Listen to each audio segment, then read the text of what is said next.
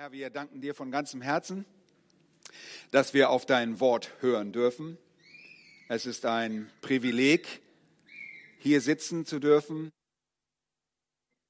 Von ganzem Herzen, dass du sprichst, dass du uns dein Wort öffnest, das Verständnis deines Wortes, dass wir erkennen, was wahre Jüngerschaft ist. Herr, damit wir Nachfolger sind, wozu du auch die Menschen aufrufst dass wir dir nachfolgen. Und das wollen wir zu Herzen nehmen. Und dass wir überlegen und darüber nachsinnen, wo wir in Beziehung zu dir stehen. Segne jetzt dein Wort um deines Namens willen. Amen. Hört ihr mich zwischenzeitlich? Klappt es? Alles gut, sehr gut.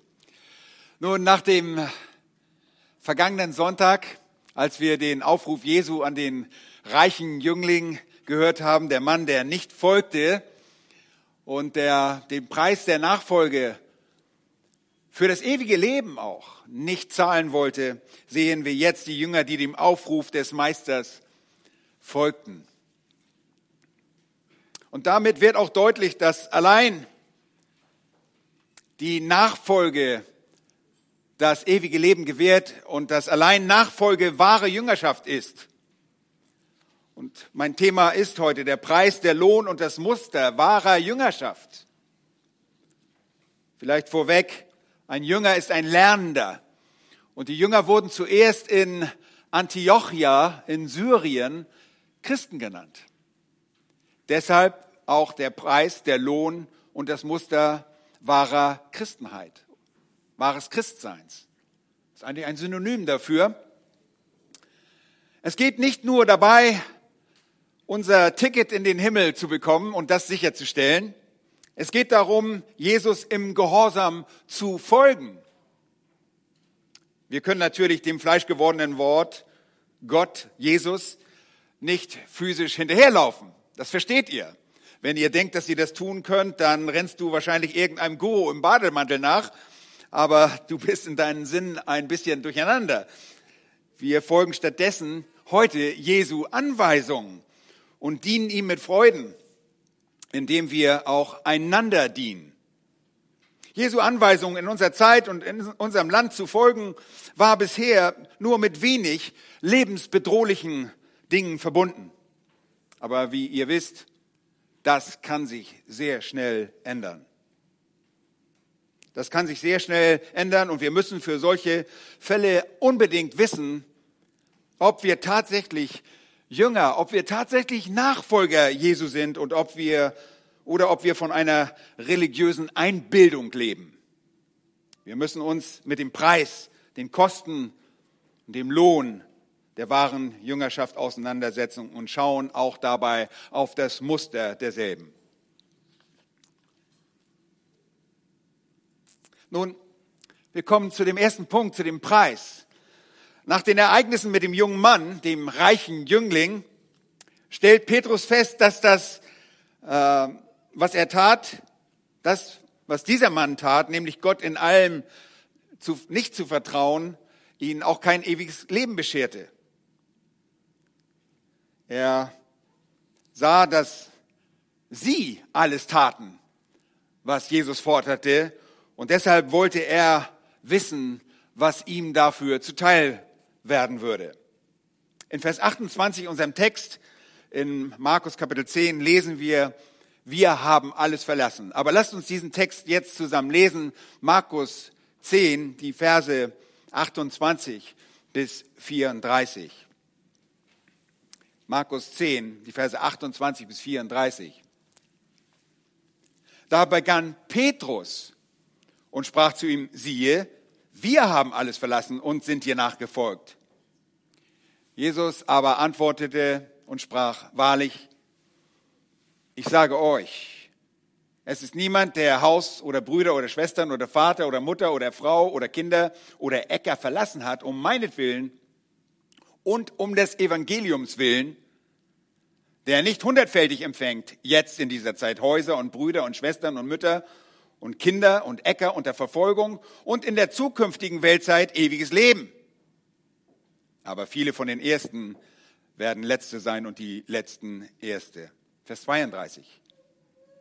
Sie waren aber auf dem Weg und zogen hinauf nach Jerusalem und Jesus ging ihnen voran. Und sie entsetzten sich und folgten ihm mit Bangen. Da nahm er die Zwölf nochmals beiseite und fing an, ihnen zu sagen, was mit ihm geschehen werde. Siehe, wir ziehen hinauf nach Jerusalem und der Sohn des Menschen wird den obersten Priestern und Schriftgelehrten ausgeliefert werden. Und sie werden ihn zum Tode verurteilen und ihn den Heiden ausliefern. Und sie werden ihn verspotten und geiseln und anspucken und ihn töten. Und am dritten Tag wird er wieder auferstehen. Soweit der Text. In diesem Text sehen wir den Preis, den Lohn und das Muster wahrer Jüngerschaft, des wahren Christseins. Das Erste, was wir lesen, ist, dass die Jünger alles verließen. Sie hatten alles verlassen. Vers 28 nochmals sagt Petrus, der geht allen voraus, wir haben alles verlassen. Petrus und so offenbart uns Matthäus in seinem Evangelium, in dem Parallelbericht, stellt sogar die Frage dort in Kapitel 19, Vers 27, was wird uns dafür zuteil? Jesus weist ihn dafür nicht zurecht, sondern er gibt ihnen eine einsichtsreiche Antwort. Wahrlich, ich sage euch, es ist niemand, der Haus oder Brüder oder Schwestern oder Vater oder Mutter oder Frau oder Kinder oder Äcker verlassen hat um meinetwillen und um des Evangeliums willen und so weiter. Wir erkennen drei Bereiche des Verlassens und zwei Gründe, warum die Jünger das taten. Erstens, Haus. Er spricht hier von einem Haus. Sie verließen ihre Heimat. Die vertraute Gegend zu verlassen ist für manche Menschen der Horror schlechthin. Besonders wenn es noch darum geht, ein Haus zu verlassen, verlassen zu müssen, dass man sich in aller Mühe oder vielleicht in Eigenarbeit gebaut hat oder hat bauen lassen. Wenn ein Jünger sein Herz an dieses Gut gehängt hätte, dann wäre es mit der Nachfolge vorbei gewesen, denn damit disqualifizierte sich der Jünger als ein wahrer Nachfolger. Sie verließen es ihre Häuser. Sie verließen ihre Häuser um Jesu willen und des Evangeliums willen. Zwei Gründe, die wesentlich sind. Hier geht es nicht um ein persönliches Reiseverlangen oder um das Verlangen nach Veränderung. Nein, sie taten es um Jesu willen und um des Evangeliums willen. Nun, muss jeder Jünger Jesus sein Haus verlassen heute? Nein, aber diese seine Jünger Jesu mussten es, um Jesus zu folgen. Wie gesagt, er war physisch unter ihnen und ein Jesu Jünger musste ihm folgen, denn Jesus hatte sie in ihre Nachfolge gerufen.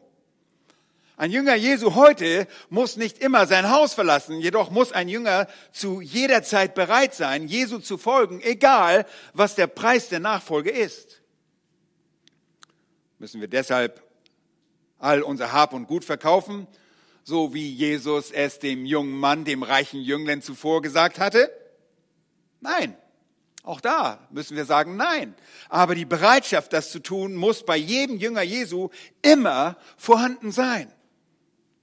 Ob Haus und oder sonstiges Gut, wir dürfen unser Herz niemals an diese unbeständigen, temporären Dinge hängen. Und es gibt ein Beispiel dafür in der Apostelgeschichte, was die Christen und Christen äh, sind, wie ihr wisst, Jünger, wie sie es gehandhabt haben. Und wir lesen dort am Ende von Kapitel 4 in der Apostelgeschichte über die Gemeinde Jesu Folgendes. Es litt niemand unter ihnen Mangel. Denn die, welche Besitzer von Äckern und Häusern waren, verkauften sie und brachten den Erlös des Verkauften und legten ihn den Aposteln zu Füßen und man teilte jedem aus, so wie jemand bedürftig war. Oh, alle Hausbesitzer kriegen es, mit der, kriegen es mit der Angst, muss ich mein Haus auch verkaufen, damit ich deinen Lebensstil oder deinen Lebensstandard erhöhe? Nun, ihr seht nur hier, und das ist mein Zweck, die Absicht, die Bereitschaft eines wahren Jüngers, Alles, was ihm anvertraut, das betrachtet der wahre Jünger nicht als sein unantastbares Eigentum, sondern er ist bereit, in der Not es für andere preiszugeben. Diese physischen Dinge müssen immer frei von deiner eigenen, von deiner ersten Liebe sein. Deine erste Liebe ist nicht dein Haus, dein Zuhause. Diese Dinge mehr zu begehren als Jesus, der dich in die Nachfolge ruft, macht diese Dinge und auch manchmal Häuser oder Anwesen zu einem Götzen und unseren Herrn Jesus Christus zu einem Nebenschauplatz. Aber mehr als das, die Jünger waren nicht nur in Hinsicht auf ihre Häuser treu, sondern Jesus impliziert, wozu wahre Jünger in der Nachfolge bereit sind. Vers 29. Es ist niemand, der Haus oder Brüder oder Schwestern oder Vater und Mutter oder Frau oder Kinder oder Äcker verlassen hat um meinetwillen und des Evangeliums willen. Jesu Jünger müssen was tun? Sie müssen bereit sein, Geliebte zu verlassen. Oh, was heißt das? Geliebte zu verlassen. Zweitens, Jünger sind bereit, den Preis wahrer Jüngerschaft zu zahlen, indem sie geliebte Menschen an eine dem Herrn untergeordnete Stelle setzen. Brüder, Schwestern, Vater, Mutter verlassen, um meinetwillen und um des Evangeliums willen. Das können wir bisher vielleicht noch gut nachvollziehen. Das ist auch möglich. Schließlich soll dein Bruder und deine Schwester ja nicht dein Leben bestimmen, genauso wenig wie dein Vater und Mutter, wenn du eine eigenständige Familie oder Hausstand gegründet hast. Aber was ist mit deiner eigenen Frau und mit den Kindern gemeint? Sollen wir die um Jesu willen und um des Evangeliums willen verlassen und aufgeben? Nun, die Jünger waren bereit, sogar ihre Geliebten in der Familie in einem angemessenen Sinne, in einem angemessenen Sinne an die beiseite zu setzen, um den Anweisungen Jesu zu folgen. Nicht die unmittelbare Familie, die Ehefrauen diktierten oder schmiedeten Pläne, nicht die Kinder der Jünger bestimmten deren Werdegang, sondern wer? Der Herr Jesus bestimmte den Werdegang. Nun, wir müssen uns nicht das Extrem vorstellen, dass Jesus nun die Scheidung der verheirateten Männer oder Frauen wollte und auch nicht dieser Jünger und dass ein berufener Jünger nun seine Kinder in ein Kinderheim bringen sollte. Das ist Unsinn. Ich habe solche verwirrten Menschen leider kennengelernt, die meinten durch solchen Unsinn dem Herrn zu dienen.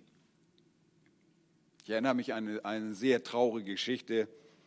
Eine Frau verliert dabei ihren Mann, weil sie ihrer, in ihrer Verwirrung dachte, sie müsste irgendjemand anders heiraten. Sie lief diesem Mann hinterher, der Mann erhängte sich und sie vergiftete sich. Nun, ich wurde gerufen, sie wurde gerettet. Ich wurde auch gerufen, als dieser Mann sich erhängte. Es war kein schönes Spiel.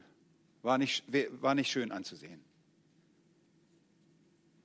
Nein, das ist auch nicht ganz und gar nicht das, was Gott meint.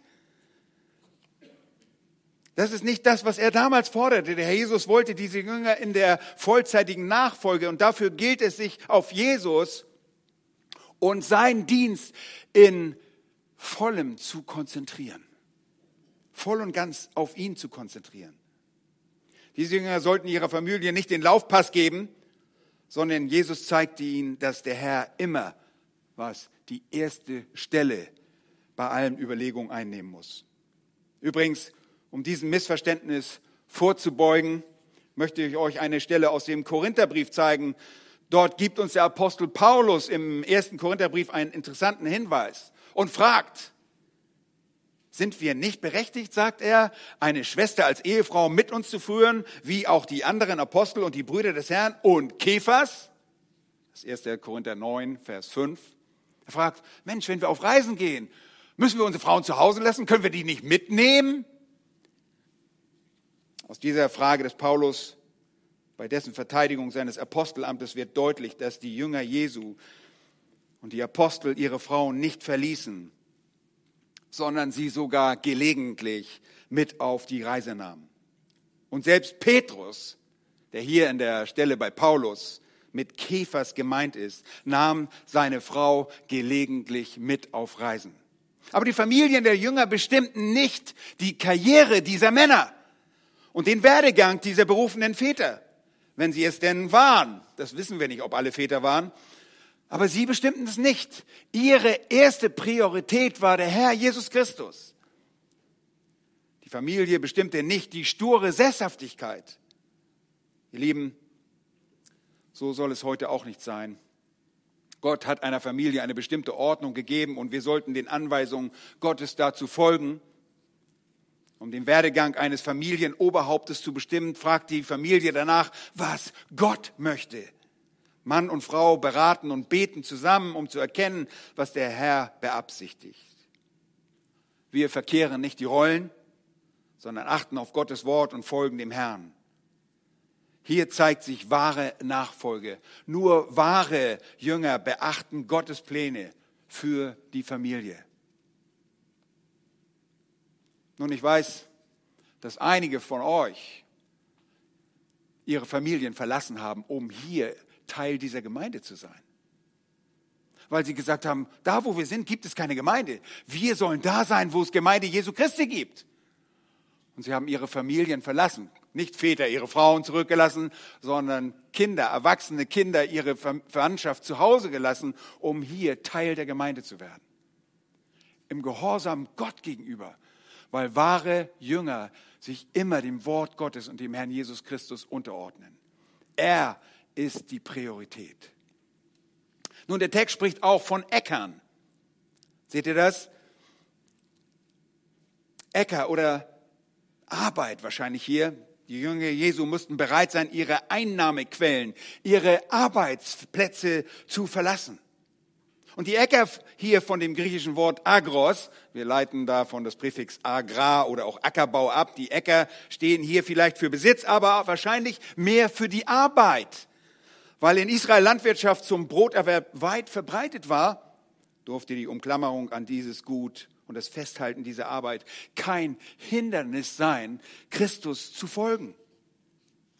Ihr Lieben, nicht alle waren Fischer, wohl viele dieser Jünger Fischer waren, aber Agrar schließt es letztlich mit ein. Der Arbeitsplatz auf dem Acker sowie die Arbeit mit den Netzen durften und sollten die Jünger am Gehorsam Christi nachzufolgen nicht hindern. Und auch hier gilt, nicht jeder Mensch muss seine Arbeit verlassen aber soll grundsätzlich dazu bereit sein, wenn der Herr ihn in einen anderen Dienst, vielleicht den Dienst am Wort beruft. Paulus schreibt von den Berufenen am Wort, wisst ihr nicht, dass die, welche die heiligen Dienste tun, auch vom Heiligtum essen und dass die, welche am Altar dienen, vom Altar ihren Anteil erhalten? So hat auch der Herr angeordnet, dass die, welche das Evangelium verkündigen, vom Evangelium leben sollen. Nun, um vom Evangelium zu leben, braucht man Vertrauen. Die Jünger mussten vertrauen. Wenn man dafür eine andere Arbeit niederlegt, um in den Vollzeitdienst des Herrn zu gehen. Das taten diese Jünger. Sie verließen ihre Netze. Natürlich brauchen wir alle Vertrauen und ich denke nicht, dass ich persönlich als Vollzeitler mehr Vertrauen in den Herrn haben muss als ihr, die ihr vielleicht einer gewöhnlichen Arbeit nachgeht. Auch ihr braucht das Vertrauen, dass der Herr euch gesund erhält und der Arbeitsplatz euch erhalten bleibt, um dem Herrn zu gefallen und um eure Familien zu versorgen. Ihr vertraut dabei nicht auf Menschen, sondern ihr vertraut auf den Herrn. Und so kann man auch im Vertrauen eine Arbeit beiseite setzen, um vom Herrn berufen werden, etwas anderes zu tun. Unser Herz hängt nicht an der Arbeit, sie hängt nicht an unserem Gut, sie hängt nicht an unseren Häusern und sie hängt nicht an unseren Familien, sondern sie hängt als allererstes an unserem Herrn Jesus Christus. Ein wahrer Jünger ist ein Nachfolger Jesu. Er ist bereit, alles zu tun, was der Herr für ihn als richtig sieht. Aber der Jünger soll nicht nur bereit sein, alle Dinge um Christi willen und seines Evangeliums willen zu verlassen, sondern der Jünger soll B, allein Jesus nachfolgen. Allein Jesus nachfolgen. Vers 28 heißt es, da begann Petrus und sprach zu ihm, siehe, wir haben alles verlassen und sind dir nachgefolgt. Vers 32a, sie waren auf dem Weg und zogen hinauf nach Jerusalem und Jesus ging ihnen voran.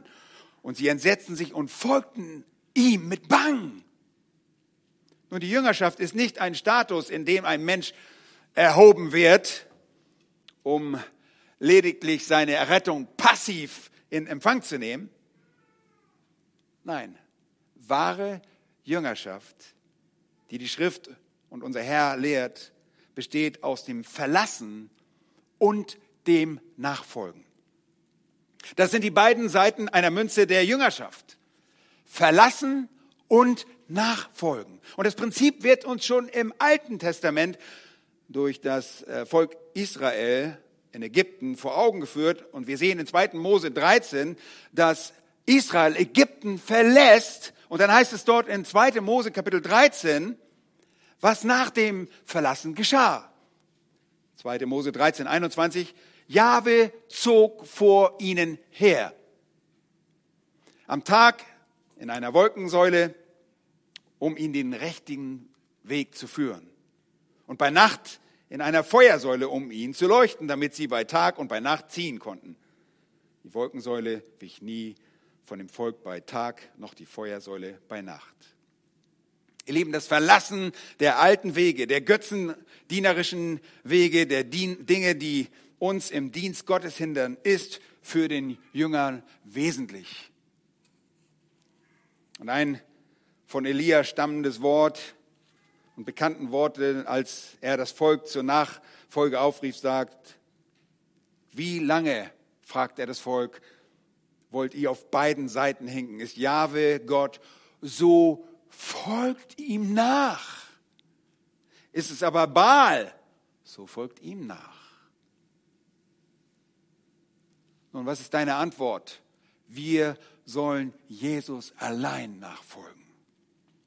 Hinkst du auch auf beiden Seiten? Ein bisschen in der Welt verharren und ein bisschen Gott, ein bisschen von beiden mitnehmen, das ist doch die optimale Kombination, oder? Nein das toleriert unser Gott nicht. Und das akzeptierte auch nicht Jesus. Eine Nachfolge Folge Jesu hat seinen Preis und der geht über Haus und Hof, über die Geliebten und die Arbeit und Jesus fordert das ganze Leben und die Bereitschaft schließt noch mehr ein, ihm allein zu folgen. Es folgt, dass er dein persönliches Leben will und zwar ganz. Ein wahrer Jünger ist nicht nur bereit, alles zu verlassen und Jesus nachzufolgen, sondern wahre Jüngerschaft ist bereit, den Preis der Anfeindung zu erleiden. Schaut einmal in Vers 30. Da wird es impliziert, da wird es nur zwischendurch kurz erwähnt. Er sagt, hier ist der Segen. Alle, die das verlassen haben, der wird, der, der, da ist niemand, der das verlassen hat, der nicht hundertfältig empfängt. Vers 30, jetzt in dieser Zeit Häuser und Brüder und Schwestern und Mütter und Kinder und Äcker unter Verfolgung. Und Vers 33 und 34, siehe, wir ziehen hinauf nach Jerusalem und der Sohn des Menschen wird den obersten Priestern und Schriftgelehrten ausgeliefert werden. Und sie werden ihn zum Tode verurteilen. Und sie werden ihn verspotten und geiseln und anspucken und ihn töten.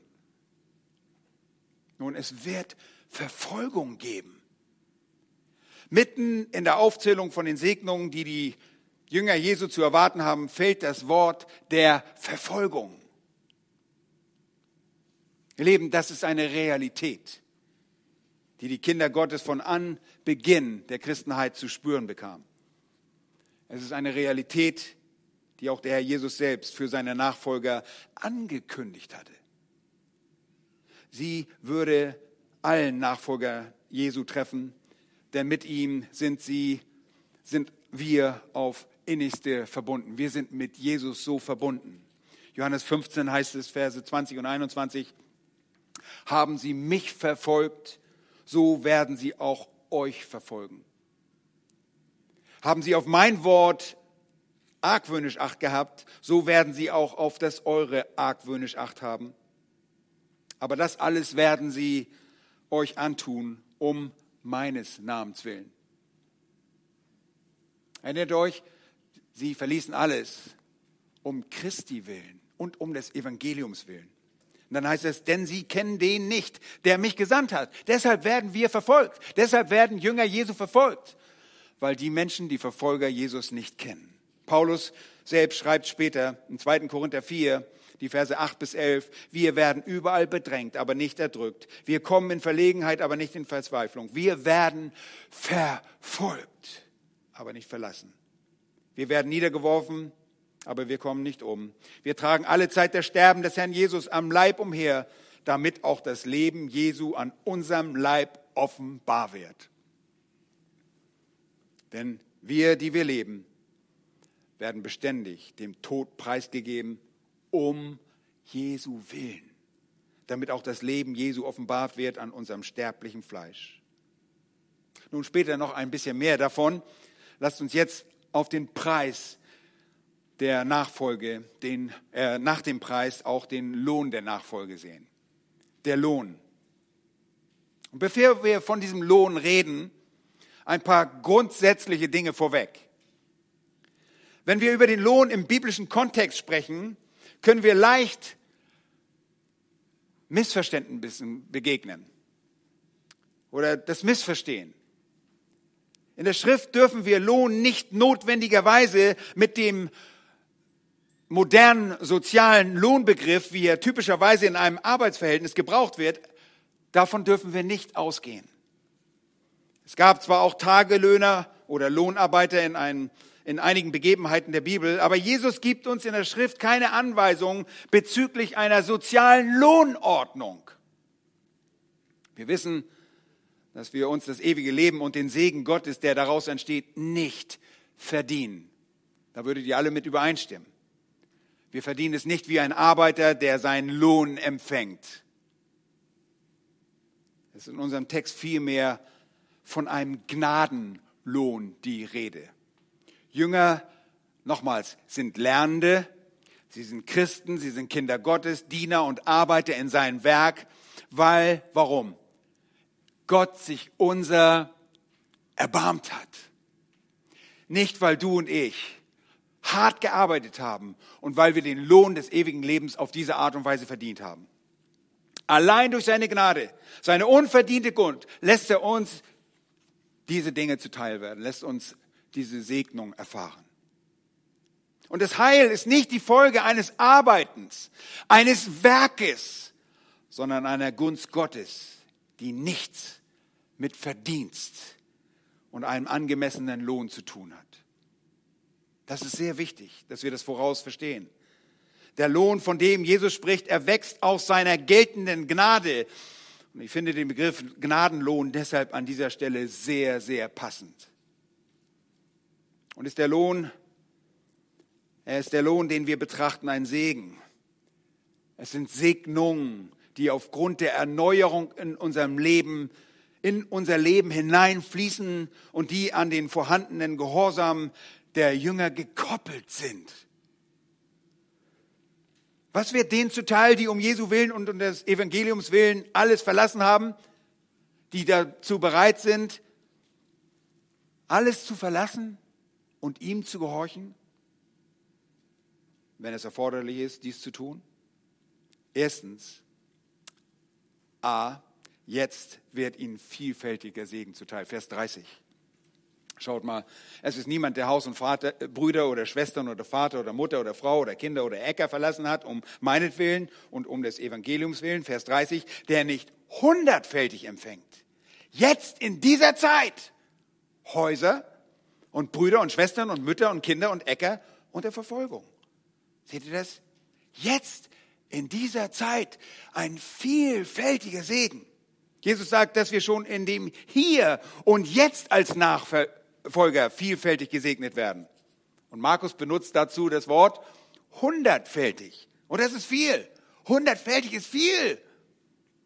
Wenn du als Kind Gottes bereit bist, aufgrund der Nachfolge Jesu, um des Evangeliums willen, Haus, Geliebte und Äcker, Arbeit zu verlassen, dann wird dieser Segen dir zuteil werden. Wann? Jetzt. In dieser Zeit. Nicht erst auf der neuen Erde. Ja, das wissen wir, dass Jesus uns eine Wohnung vorbereitet. Das hat er selbst gesagt. Nein, jetzt. Wie denn das? Wie, wie geschieht denn das? Nun, du verlässt eine Gegend, eine Verwandtschaft, um in der Gemeinschaft der Gemeinde Jesu zu dienen und du erhältst dafür Häuser, Mitgeschwistern und sogar Äcker und Arbeit in Verfolgung, sagt die Schrift. Und das ist die Verheißung. Dein Name mag vielleicht in dem, nicht in dem Grundbuch verzeichnet sein und dort stehen, aber du bist immer ein Teil der Familie Gottes, als Teilhaber dieser Segnung. Und du kommst in Häuser und du bist zu Hause. Du bist da bei deinen Geschwistern. Du brauchst nicht einmal bestimmte Lasten zu tragen, die ein tatsächlicher Großgrundbesitzer oder Hausbesitzer trägt. Du bist trotzdem zu Hause. Und du hast Häuser. Wenn du Gott in dieser Angelegenheit nicht glaubst, wenn du ihm da nicht vertraust, wenn du das nicht glaubst, dass es so ist, entweder bist du am falschen Platz oder du bist kein Jünger Jesu. In der Gemeinschaft der Geschwister ist der Segen und dort wird Gott auch geehrt. Ihr Lieben, wir bekommen so viele Geschwister. Und ich kann euch so viele Geschichten erzählen. Bei meinen Reisen durch die USA und Kanada. Kommst in dieses Haus eines gläubigen Menschen und du bist wie zu Hause. Von ersten Moment an. Und die Leute sagen dir, ah, bedien dich an unserem Haus, benutze mein Auto, wenn du es brauchst. Denke, oh, das war eine, eine tolle Erfahrung. Und die Freigebigkeit der Geschwister. Sind wir nicht so, auch anderen gegenüber? Ihr seid unsere Geschwister. Und wenn jemand zu mir in die Seelsorge kommt und sagt, oh, ich glaube, ich komme nicht über die Runden, dann brauchst du keine Angst haben, dass du irgendwann verhungerst. Du hast Geschwister in dieser Gemeinde. Gott hat dir diese Geschwister gegeben. Das ist der Segen der Nachfolge. Und ich muss mich da kurz fassen, aber das ist der jetzige Segen. B, künftig ewiges Leben. Hier ist es nachdem diese Segnungen aufgeführt sind in Vers 30, und in der zukünftigen Weltzeit ewiges Leben. Ewiges Leben, doch ein Lohn? Doch ein Verdienst? Muss ich mir das doch verdienen irgendwie, indem ich irgendwie dafür arbeite? Ja, es ist ein Lohn, aber es ist ein Gnadenlohn für die Zukunft. Wisst ihr was? wer an den Sohn Gottes glaubt, der hat das Leben. Er hat das ewige Leben. Ich habe jetzt das ewige Leben, weil ich an Jesus Christus glaube. Und wenn ich sterbe, dann habe ich Nutzen davor in der Zukunft. Und alle, die wir Gläubige sind, haben in der Zukunft ewiges Leben. Es endet nicht. Es ist ein qualitativ hochwertiges Leben, das Gott selbst gibt. Warum habt ihr jetzt ewiges Leben? weil du so viel gespendet hast oder so viel anderen Menschen gedient hast? Nein. Oder weil du keine Mühe ausgelassen hast, das Gute zu tun? Nein. Nochmals nein. Deine Werke gereichen dir nicht zum Heil, sondern du bist aufgrund der gnädigen Wiedergeburt ein neuer Mensch und folgst Jesus nach. Und das ewige Heil wird dir nicht durch Gesetzeswerke zuteil, aber das Heil ist niemals ohne Glaubenswerke. Wenn du ein neuer Mensch bist, dann wirst du aus Glauben Werke tun. Und Nachfolge gehört zum Glaubenswerk wahrer Jünger. Wenn dein Herz verändert ist, dann willst du Jesus nachfolgen. Dann ist es kein Zwang. Oh, ich muss Jesus nachfolgen. Ich muss mir, oh, ich will aber nicht Jesus gehorchen. Aber du musst ja. Nein. Du wirst es nicht so tun. Du wirst ihm gerne nachfolgen. Und dieses Glaubenswerk der Nachfolge wird zum Prüfkriterium im Leben von Christus bekennern. Ist mein Glaube echt, errettend, dann werde ich Jesus nachfolgen. Oder ist es nur ein Lippenbekenntnis? Ja, ich folge Jesus, aber lass mich ja nicht das, das tun sollen oder was Jesus sagt. Nein, niemals. Nein, du bist bereit, Dinge zu tun, die dich vormals gefangen genommen haben, die bist du bereit loszulassen und sagst, ich will frei sein, ich will Jesus frei dienen. Und für alle, die jetzt ewiges Leben besitzen, wird in der Zukunft ein Leben in der Gottesnähe vorhanden sein. Die haben wir jetzt auch schon, die Gottesnähe, denn Christus lebt in uns. Aber wir werden ihn sehen von Angesicht zu Angesicht. Warum? Weil Gott das Geschenk der Gnade für einen Jünger und Nachfolger so vorgesehen hat dass wir ihn sehen werden. Der Lohn, von dem Jesus hier spricht, ist also in gegenwärtigen Segnungen zu finden und hat Bestand in der ewigen Zukunft. Wisst ihr, dieser Lohn ist kein Rechtsanspruch. Ich habe es getan, jetzt werde ich es kriegen. Ich verlange es. Es ist mein Recht. Es ist ein Gnadenlohn. In der gegenwärtigen Zeit und in der künftigen Zeit. Und drittens C, immer. Immer wird dieser Lohn gerecht verteilt. Vers 31 sagt er, oder viele von den Ersten werden Letzte sein und die Letzten Erste. Ihr wisst, dieser Vers wird sehr leichtfertig äh,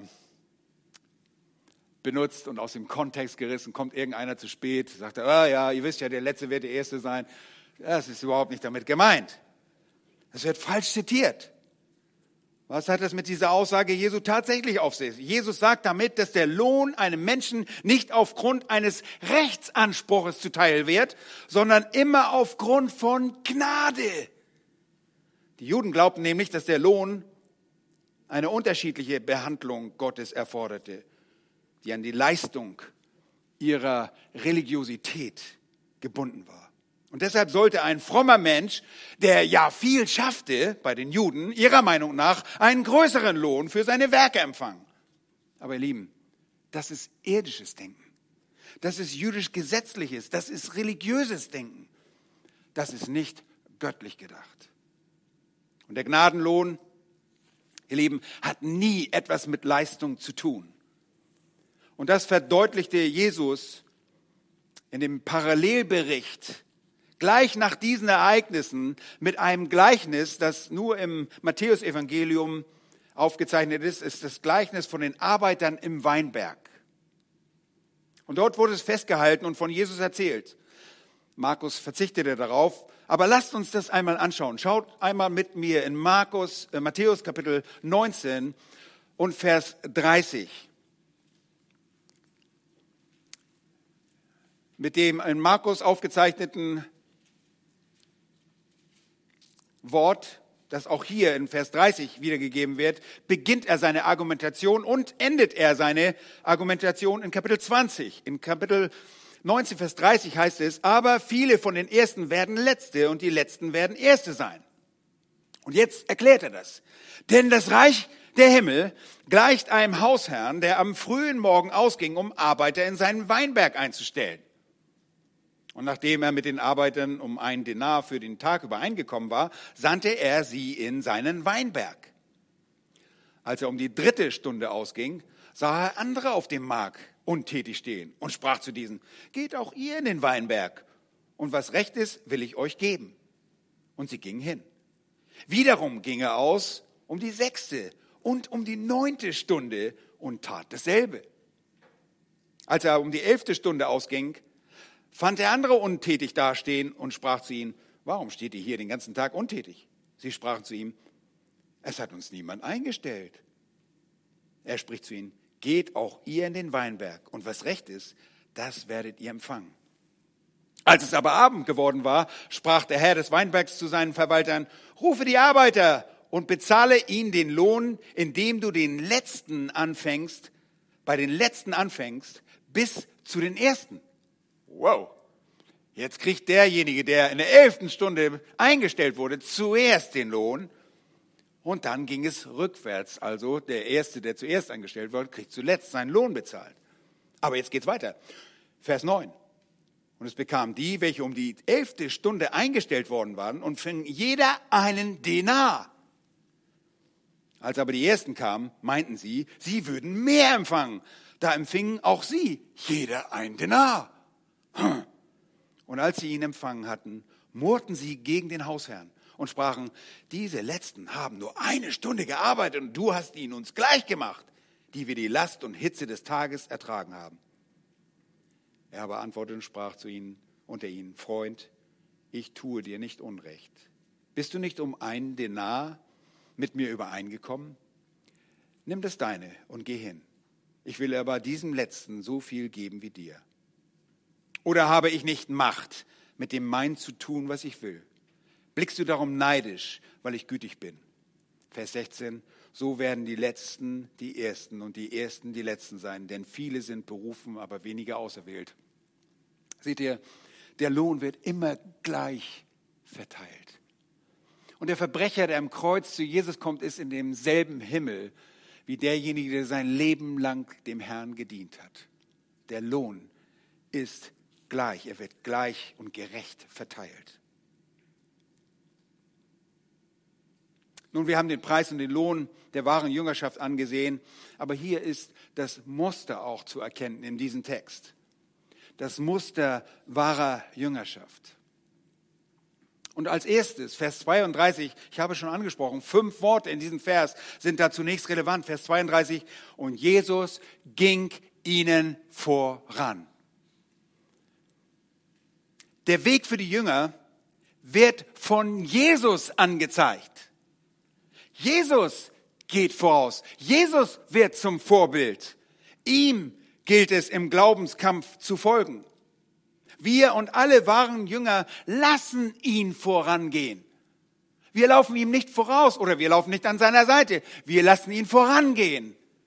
Nicht deine Empfindung, nicht dein Pragmatismus lassen ihn vorangehen oder nicht, äh, nicht deine Ideen oder Vorschläge sind für die Jüngerschaft gefragt, sondern das, was Jesus dir vorlebt und gesagt hat.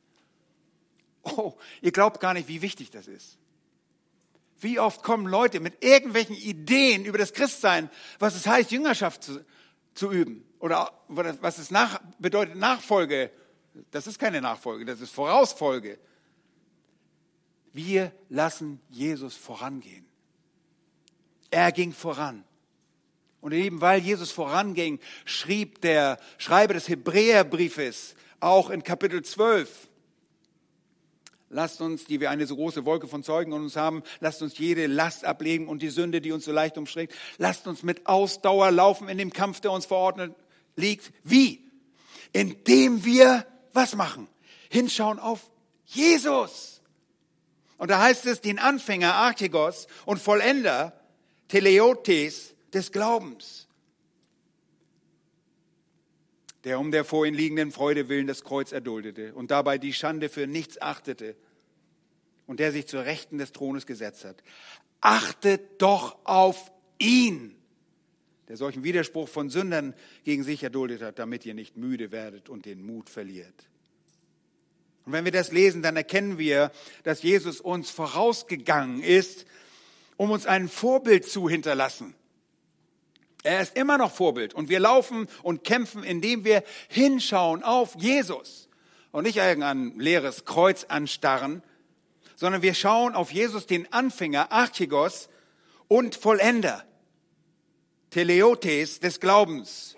Das bedeutet folgendes Maß. Er duldete das Kreuz als Heerführer und vollkommenste Ausgestaltung des Glaubens. Das sagte der Theologe Erich Sauer einmal sehr treffend. Er erduldete das Kreuz als Heerführer und als vollkommenste Ausgestaltung des Glaubens. Und bei dem Anfänger des Glaubens spricht der Schreiber des Hebräerbriefes deshalb nicht nur von unserem Glauben, den Jesus dann zur Vollendung bringt. Nein, das Wort Anfänger wird an dieser Stelle als Urheber gebraucht und spricht gewissermaßen von Jesus als den Bahnbrecher, den Vordermann, der die vollste Verwirklichung und der Vollender des Glaubens ist. Es geht um den Glauben schlechthin, nicht nur um deinen Glauben, den er angefangen hat, sondern er hat uns den Glauben selbst vorgelebt. Und deshalb folgen wir seinem Muster und glauben. Und dieser Text zeigt uns nicht nur beispielhaft, wie Jesus uns Beispiel vorangeht, sondern zeigt uns auch den musterhaften, schweren Kampf der Nachfolge. Das ist B. Der schwere Kampf der Nachfolge. Ihr Lieben, die waren, Jesus war auf dem Weg nach Jerusalem. So heißt es hier in Vers 32, sie waren auf dem Weg und zogen hinauf. Man zieht immer hinauf nach Jerusalem, weil Jesu, äh, Jerusalem topografisch auf einer Höhe liegt. Und Jesus ging ihnen voran und sie entsetzten sich und folgten ihm mit Bangen. Nun, der Satzbau Nur nebenbei gemerkt, von Vers 32, äh, die sogenannte Syntax im Griechischen, könnte darauf hinweisen, dass sich das Entsetzen in Vers 32 auf eine andere Gruppe von Nachfolgern bezieht. Das erkennen wir nicht bei unserem Schlachter 2000 Text und in den meisten Bibeln auch nicht. Nebst den Zwölfen gab es auch andere Jünger, die gegenwärtig waren. Ihr wisst, Jesus wurde immer von einer ganzen Entourage begleitet und immer noch wollten viele Menschen Jesus sehen und hören. Aber es bleibt sich letztlich egal, ob es andere Jünger sind oder die zwölf. Ich glaube, dass die zwölf hier mit eingeschlossen sind und schließe mich auch den meisten Bibelübersetzern hier an. Sie entsetzen sich auch. Es bleibt sich letztlich gleich, denn dieses Entsetzen trifft auch die zwölf, eben auch die Jünger. Und ganz offensichtlich hatten sie zwischenzeitlich begonnen, ein wenig von der ernsten Lage der Nachfolge Jesus etwas zu erkennen. Nun, man kennt wirklich, erkennt das nicht in den Übersetzungen, aber es ist egal. Wie war die Reaktion der Jünger in der Nachfolge? Es geschah mit Entsetzen und mit Bangen. Es ist die Furcht vor dem, was wohl kommen mag. Und diese Furcht hatte jetzt die Jünger erreicht, wenngleich sie auch nicht verstanden, was da vor sich ging. Und sie weiterhin auch was taten. Sie stritten, wer wohl der Größte im Reich Gottes sein würde. Bereits zuvor sagte der Jünger Thomas, den wir wofür kennen? Ja, für den Zweifel, ne? den Zweifler. Aber er sagte auch Folgendes in Johannes 11, Vers 16. Da sprach Thomas, der Zwilling genannt, der genannt wird, zu den Mitjüngern, lasst uns auch hinziehen, damit wir mit ihm, mit Jesus sterben. Seht ihr, er ist auch mutig. Es war ihnen klar und das war schon vorher, das sagte er schon vorher. Sie verstanden, da wartet etwas auf uns und wir wissen nicht ganz genau, was es ist. Vielleicht haben ihre Gespräche um die Macht, das Machtgerangel das ein bisschen vernebelt. Sie waren voller Bang. Aber ihr Lieben, so sieht Jüngerschaft immer realistisch aus. Wir sind nicht immer die Starken. Und das, obwohl es keinen Grund dafür gibt, sich Sorgen zu machen. Aber wir sind nicht immer furchtlos. Dennoch, der Herr wacht über den Weg seiner Jünger. Und wenn wir gelegentlich, gelegentlich die Furcht und dieses Bangen erleben, so ist der Herr dennoch da. Und deshalb, es ist ein Kampf zwischen Blick auf das eigene Ich das ohnmächtige Ich. Und da kriege ich Angst. Ich kriege immer Angst, wenn ich auf die Umstände sehe. Und deshalb schreibt der, der Schreiber des Hebräerbriefes was? Schaut auf, auf Jesus. Dann werden wir auf einmal gestärkt und sagen, oh ja, unser Hirte ist da. Wir können ihm vertrauen. Und wir sollten das zu, unsere Sorgen zu den Füßen des Herrn Jesus legen. Geschwister, lasst uns unseren gelegentlich abschweifenden Blick wieder auf Jesus richten und in dem Kampf der Nachfolge ihm allein vertrauen. Ja, Nachfolge hat einen Kampf und der wird uns hier aufgezeigt. Und das macht wahre Jüngerschaft aus. Und dieser Text zeigt uns außerdem den harten Weg der Nachfolge als Muster. Das ist C, der harte Weg der Nachfolge. Schaut mal Vers 33 und ihr denkt, was hat das mit uns zu tun? Nun, wir sind mit Jesus so sehr verbunden, dass uns genau diese Dinge auch betreffen. Siehe, wir ziehen hinauf nach Jerusalem, der Sohn des Menschen wird den obersten Priestern und Schriftgelehrten ausgeliefert werden und sie werden ihn zu Tode verurteilen und ihn den Heiden ausliefern und sie werden ihn verspotten, geiseln, anspucken, ihn töten. Vielleicht denkst du, das sind ja seine zwölf, die das erleben und betrifft mich doch nicht. Nun, es ist auch ein Muster für jeden Jünger. Jesus bringt hier seine dritte Leidensankündigung im Markus-Evangelium. Und die vorangegangenen Ankündigungen schienen den Jüngern irgendwie völlig entgangen zu sein. Und Jesus sieht sich aufgefordert, ein drittes Mal den bevorstehenden Weg zu erläutern. Und diese Leidensankündigung enthält zum ersten Mal auch den Hinweis, dass die Juden beziehungsweise die obersten Priester und Schriftgelehrten, nachdem sie den Herrn zu Tode verurteilt haben, an die Heiden ausliefern werden. Das erste Mal. Und ihr wisst, so geschieht es. Sie, die religiösen Lenker, Mitglieder des Sanhedrin, des Hohen Rates, überlieferten Jesus in weniger als zwei Wochen nach diesen Ereignissen den Herrn an die Römer, damit diese die Kreuzigung vornehmen würden. Genauso ist es eingetroffen. Und der Herr ist entschlossen, diesen Weg zu gehen und nicht nur das Heil zu erwirken, sondern auch für alle Jünger ein Muster zu setzen. Denn wie er schon sagte, und wie wir bereits auch in Markus 8, 34 und 35 gelesen haben, heißt es, wer mir nachkommen will, der was? Der verleugne sich selbst und nehme sein Kreuz auf sich und folge mir nach. Oh, das war nur für die ursprünglichen Jünger? Nein, das ist für uns gemeint. Denn wer sein Leben retten will, der wird es verlieren. Wer aber sein Leben verliert um meinetwillen und um des Evangeliums willen, der wird es retten. Ja, Jesus ließ sein Leben, um Rettung zu erwirken. Und er verlor das Leben und siegte dadurch. Denn er blieb nicht im Tod, sondern er wirkte damit das Leben aller Kinder Gottes. Dem Weg des Kreuzes gilt es als Jünger Jesu zu folgen. Und die Jünger benutzten das Kreuz nicht irgendwie zu einer Verzierung oder zum Schmücken, sondern als ein Todeswerkzeug für Tausende von Rebellen ihres Reiches, die sie an den großen Straßen ihres Reiches demonstrativ kreuzigten. Für alle sichtbar. Und so kreuzigten sie auch den Herrn der Herren und den König der Könige. Und wenige Tage nach diesem Ereignis präzisiert Jesus noch vor seinem Tod einmal dieses Muster der Nachfolge Jesu im oberen Saal als er die Jünger vorbereitet darauf, was geschehen wird. Er spricht dort mit seinen Jüngern und bereitet sie auf seinen Weg und ihren Weg vor. Und da heißt es in Johannes 15, Vers 20 und 21, Verse, die ich schon anklingen lassen habe, und er erinnert sie sehr deutlich daran und er sagt, gedenket an das Wort, das ich zu euch gesagt habe. Der Sklave ist nicht größer als sein Herr. Haben sie mich verfolgt, so werden sie auch euch verfolgen.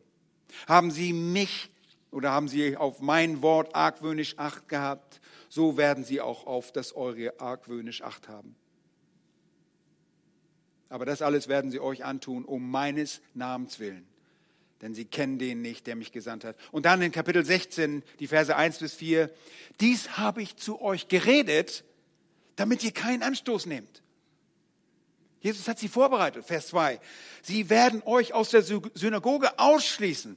Es kommt sogar die Stunde, wo jeder, der euch tötet, meinen wird, Gott einen Dienst zu erweisen. Und dies werden sie euch antun, weil sie weder den Vater noch mich kennen. Ich aber habe euch dies gesagt, damit ihr daran denkt, wenn diese Stunde kommt, dass ich euch, euch gesagt habe. Dies habe ich euch nicht von Anfang an gesagt, weil ich bei euch war. Er hat es nicht zu Anfang gesagt, er sagt es ihnen jetzt aber er bereitet sie darauf vor, damit sie da keinen Anstoß dran nehmen. Verfolgung ist ein Muster. Es ist ein Muster wahrer Jüngerschaft. Und es dauert nicht lange in der Geschichte der Gemeinde und die Verfolgung brach tatsächlich aus. Und wir lesen nach dem Mord an Stephanus in Kapitel 8 in der Apostelgeschichte, dass Saulus der Ermordung zugestimmt hatte und an jenem Tag erhob sich eine große Verfolgung gegen die Gemeinde in Jerusalem und alle zerstreuten sich in die Gebiete von Judäa, Samaria, ausgenommen die Apostel. Und gottesfürchtige Männer begruben den Stephanus und veranstalteten eine große Trauer um ihn. Saulus aber verwüstete die Gemeinde, drang überall in die Häuser ein, schleppte Männer und Frauen fort und brachte sie ins Gefängnis. Ihr Lieben, Gott gebrauchte sogar diese Maßnahmen im Leben wahrer Jünger, um auch dadurch seine Ziele zu verwirklichen und zu erreichen. Und wir lesen dann in Apostelgeschichte 11, Vers 19, die nun, welche sich zerstreut hatten, seit der Verfolgung, die sich wegen Stephanus erhoben hatten, zogen bis Phönizien und Zypern und Antiochia und redeten das Wort zu niemand als zu Juden. Ihr Lieben, die Gemeinde wurde niemals durch Verfolgung geschwächt. Genau das Gegenteil ist der Fall sondern die Jünger und wahren Nachfolger des Herrn werden dadurch gestärkt und die Gemeinde wird gebaut. Wahre Jünger müssen Verfolgung nicht fürchten. Es ist ein Muster wahrer Jüngerschaft. Im Gegenteil, wenn du als Jünger Gottes fürchtig leben willst, dann wärst du das Ziel Satans und auch seiner Anhänger. Und Paulus schreibt im zweiten Timotheusbrief, Kapitel 3 und Vers 12, und alle, die Gottes fürchtig leben wollen in Christus Jesus, werden Verfolgung erleiden. In Römer 8, 35 stellt Paulus die rhetorische Frage, und das sollte uns alle ermutigen. Wer will uns scheiden von der Liebe des Christus? Wer? Drangsal? Oder Angst? Oder Verfolgung? Oder Hunger oder Blöße oder Gefahr oder Schwert? Was ist die Antwort? Rhetorische Frage. Niemand. Niemand, denn in all dem überwinden wir weit durch den, der uns geliebt hat. Und dann führt Paulus aus Psalm 44 die Söhne Choras an und schreibt in Vers 36, wie geschrieben steht, um deinetwillen werden wir getötet den ganzen Tag, wie Schlachtschafe sind wir geachtet. Lieben, seid ihr bereit? Seid ihr innerlich darauf eingestellt, dass Verfolgung zum Muster wahrer Jüngerschaft gehört? Wir sollten nicht überrascht sein. Der Weg der Nachfolge ist ein schwerer Weg.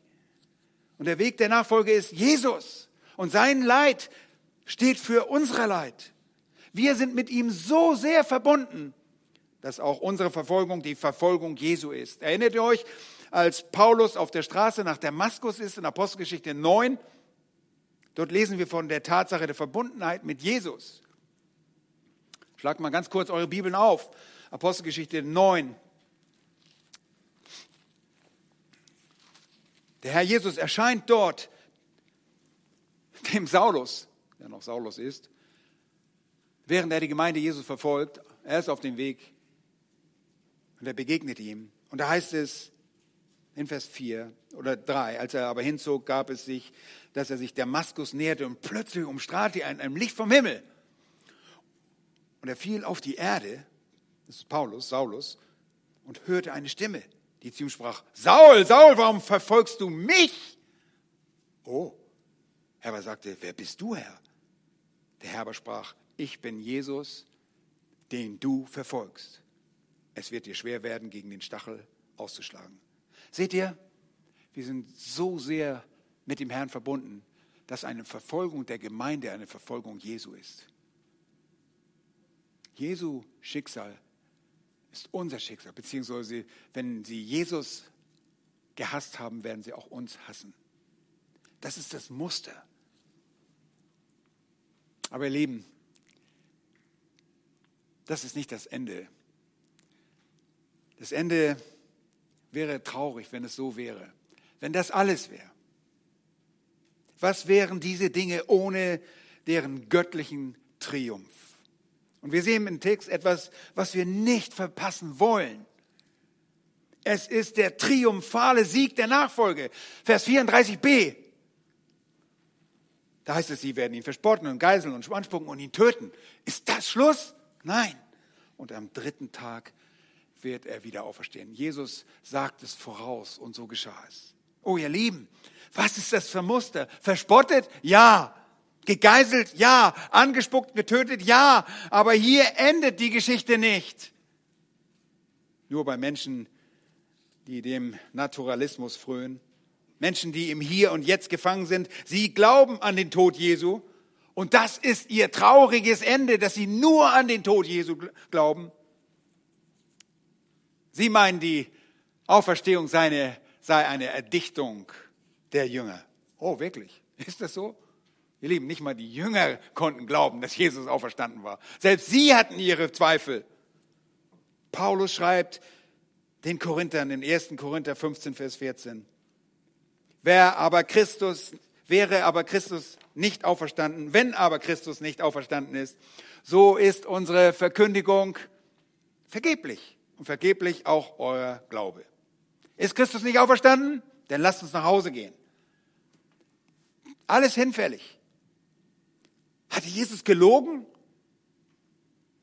In Johannes 14, Vers 19 sprach er zu den Jüngern, noch eine kleine Weile und die Welt sieht mich nicht mehr, ihr aber seht mich. weil ich lebe, sollt auch ihr leben. Und er lebt, ihr Lieben, und weil er lebt, werden auch seine Jünger leben. Wir sind sein Leib und mit ihm auf e in Ewigkeit verbunden.